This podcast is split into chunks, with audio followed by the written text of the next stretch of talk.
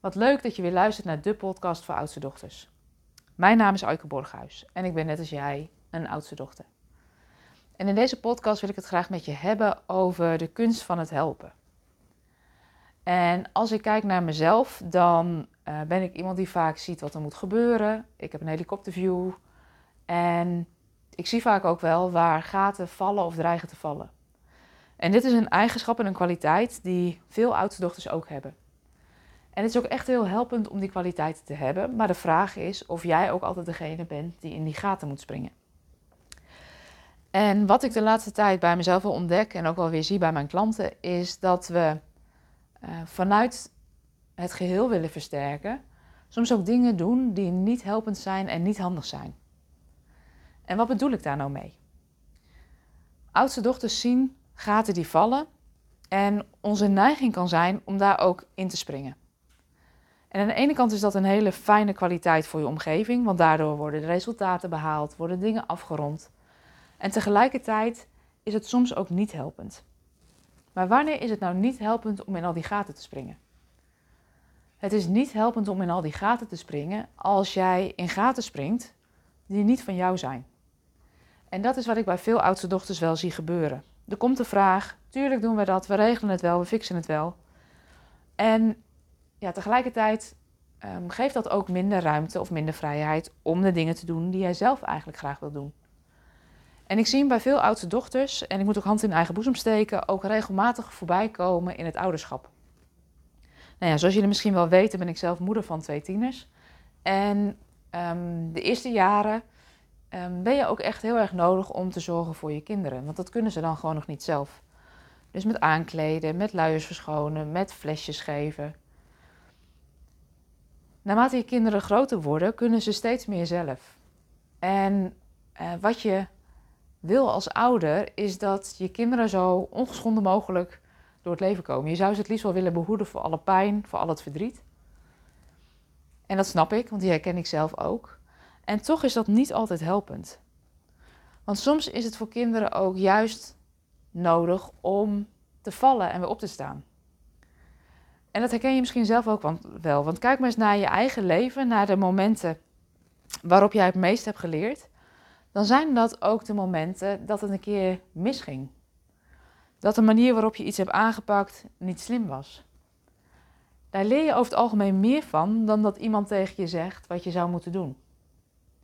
En die herken ik zelf ook wel bij mijn dochters. Um, ik heb een periode gehad dat mijn oudste dochter lastig uit bed kon komen. En dat ik er ochtends af en toe wel drie keer wakker maakte om te zorgen dat ze op tijd op school kwam. Totdat mijn man tegen me zei, je lijkt gekke Henkie wel. Het is haar eigen verantwoordelijkheid. Ze is oud en wijs genoeg om zelf op tijd op school te komen. Nou ja, zo gezegd, zo gedaan. Um, want het was al weken hangen en wurgen om haar op tijd op bed uit te krijgen. Tot het moment dat ik tegen haar zei, weet je, meis, vanaf volgende week mag je je wekker zetten. En uh, mag je zelf zorgen dat je op tijd op school komt. Nou, je kunt wel raden hoe dat gaat. De eerste dag ging dat dus mis. Dus uh, ze heeft zich verslapen, was te laat op school en moest zich de dag daarna om 8 uur melden. Dan moet mijn dochter een uur fietsen voordat ze op school komt. Dus dat betekent echt de keren na vroeger uit. En dat was nog in de winterperiode. Maar vanaf dat moment, één keer vallen, te laat komen op school, je verslapen. Je de dag daarna op tijd moeten melden, was het probleem opgelost. Vanaf dat moment zet ze zelf de wekker en zorgt ze er zelf voor dat ze op tijd op school komt. Vanuit mijn beste intenties dacht ik haar te helpen door haar drie keer wakker te maken, maar daarmee hielp ik haar eigenlijk niet. Ik hielp haar veel meer door de verantwoordelijkheid bij haarzelf neer te leggen en te ontdekken: oh ja, door de wekker heen slapen of de wekker niet zetten, uh, is gewoon niet de oplossing. En ik denk dat we dat soort momenten als ouders allemaal wel herkennen. En ja, je kan hem herkennen in het ouderschap, maar misschien ook wel in je werk. Want soms moeten de dingen ook een keer misgaan voordat iemand zelf zijn eigenaarschap pakt of zijn verantwoordelijkheid pakt. En ik denk dat het wel eens waardevol zou kunnen zijn van waar loop jij nu nog gaten dicht? Waar neem jij nu nog verantwoordelijkheid op je schouders die daar eigenlijk niet hoort? En ik zie dat bijvoorbeeld ook wel gebeuren met managers met wie ik samenwerk, met leiders in organisaties en ondernemers. Is dat we uh, vaak ook geneigd zijn om te denken: ik doe het wel even. Dus dat we eigenlijk dingen bij anderen neerleggen of waar anderen verantwoordelijk voor zijn, bijvoorbeeld de mensen in je team. En dat je dan toch geneigd bent om, als het even tegenzit, dat je het overneemt. Dat je de boel weer naar je terugtrekt, toetrekt. Als dit gebeurt, weet dan dat je heel vaak te maken hebt met de oude-kinddynamiek. Dus dat je eigenlijk bijna in een soort familiesysteem terechtkomt. En ik zie het veel in de onderwijscontext, in de zorgcontext. Waarbij je onbewust bijna de moeder wordt van de medewerkers. Als je bij jezelf merkt dat dit gebeurt, dan kan het heel erg helpen om even stil te staan bij wat is je rol in dat systeem. Want als jouw rol de manager is en je werkt met een team van professionals, dan kun je ze ook aanspreken op hun verantwoordelijkheid. Wat is jouw rol als manager en wat is de rol en wat is het eigenaarschap van de functionarissen met wie je werkt? En een voorbeeld wat ik laatst gebruikte in contact met een klant, dat ik zei van weet je, je medewerkers die nu bijna aan je vragen om toestemming of ze naar de wc mogen bewijzen van, die sluiten privé ook gewoon een hypotheek af van drie ton.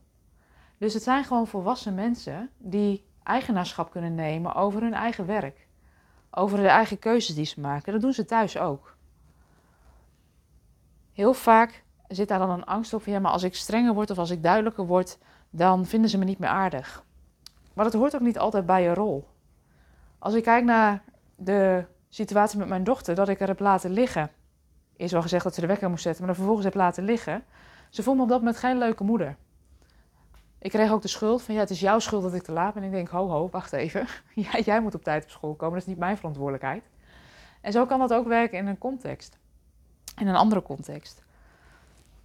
Dus ja, je zou er zelf de vraag kunnen stellen van, wat maakt de ander sterker en wat maakt de ander zwakker? En mijn ervaring is wel dat als je de verantwoordelijkheid laat bij de persoon waar die hoort, dan maakt dat de ander sterker.